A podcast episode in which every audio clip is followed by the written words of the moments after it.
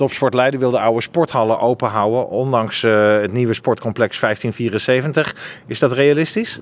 Nou ja, in zoverre realistisch dat we gewoon in Leiden veel te weinig uh, sportmeters hebben. Ondanks uh, het feit dat we nieuwe hallen hebben gekregen. Er is een uh, heel groot mulieronderzoek geweest naar wat de behoefte is van Leiden aan zaalruimte. Wat is een mulieronderzoek? Nou, die kijkt dan naar de bevolkingsaanwas, de grootte van de bevolking en hoeveel meters ruimte je moet hebben om daaraan te kunnen voldoen. En Leiden heeft gewoon te weinig. En, en dat komt dan vooral, denken jullie, omdat de oude hallen dichtgaan op het moment dat de nieuwe open gaat? Nee, want als de nieuwe hallen niet gebouwd waren, hadden we ook een tekort. En het is, men denkt nu dat we nieuwe hallen bouwen, waardoor het tekort opgelost is. Maar dat is helaas niet het geval. Dus er zal nog steeds gezocht moeten worden naar nieuwe accommodaties om te gaan sporten. Want vergeet ook niet dat de Leidse bevolking moet groeien. En als ze moeten groeien, dan is het niet alleen in omvang van hun lichaam, maar vooral in het groeien in het aantal uren om te bewegen. En daar moet je wel de ruimte en de mogelijkheden voor hebben. En het is een beetje raar dat de Leidse verenigingen buiten de stad moeten om met hun leden te kunnen gaan sporten. Ja, soms best wel ver. Hè? Jeugdleden van de handbal die helemaal naar Leidsendam moeten, begreep ik. Ja, dat klopt. En dat is Saturnus. En het meest triest van het geheel is dat die zo goed aan de weg gaan timmeren zijn met de jeugd. Dat die tegenwoordig landelijk spelen. En inderdaad, die moeten tegenwoordig naar uh, Leidsendam om uh, te kunnen trainen. Nou, uh, weet zo'n gemeente op zich natuurlijk best wel waar ze mee bezig zijn. En hebben allerlei dingen laten onderzoeken. En uit een van die onderzoeken bleek, tot 2030 moeten we vooruit kunnen met de huidige zaalcapaciteit. Waar komt dat dan vandaan? Nou, aan weet ik dan niet waar dat precies vandaan komt. Ik begrijp het niet. Kijk, als je natuurlijk gaat zeggen dat alle uren die wij buiten de stad door de Leidse vereniging al huren, uh, niet ingevuld hoeven te worden, ja, dan kom je natuurlijk een eind.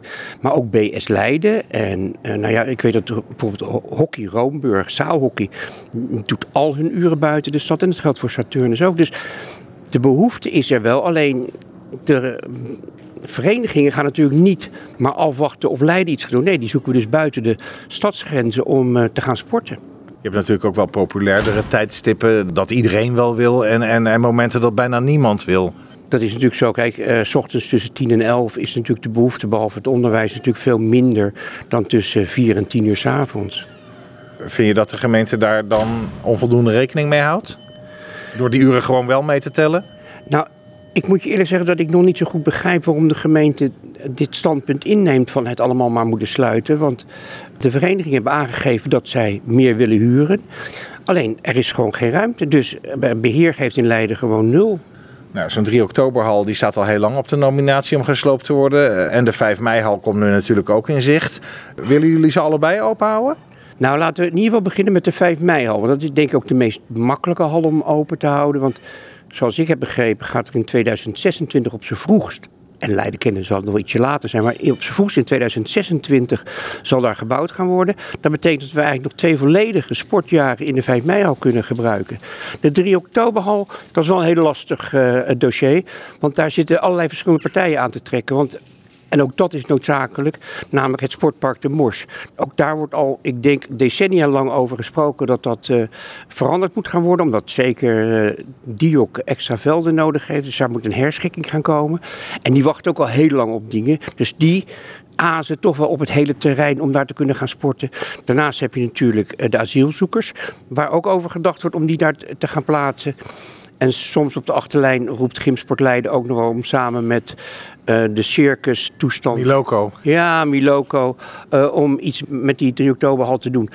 Dus dat is een heel ingewikkeld uh, dossier. En wat Topsport Leiden betreft is toch de noodzaak om het nieuwe sportpark de Mors met snelheid te ontwikkelen prioriteit nummer één. Nou, uh, hebben jullie een brandbrief gestuurd aan de politiek en daar staat onder andere ook in, en dat klopt natuurlijk wel, een paar jaar geleden heeft de Raad een, een, voorstel aangenomen waarin staat uh, het aantal meters uh, beschikbare ruimte voor sport mocht er niet op achteruit gaan. Nee, maar ik kan ondertussen zoveel voorbeelden opnoemen waarin dat toch gebeurd is, ook nu weer.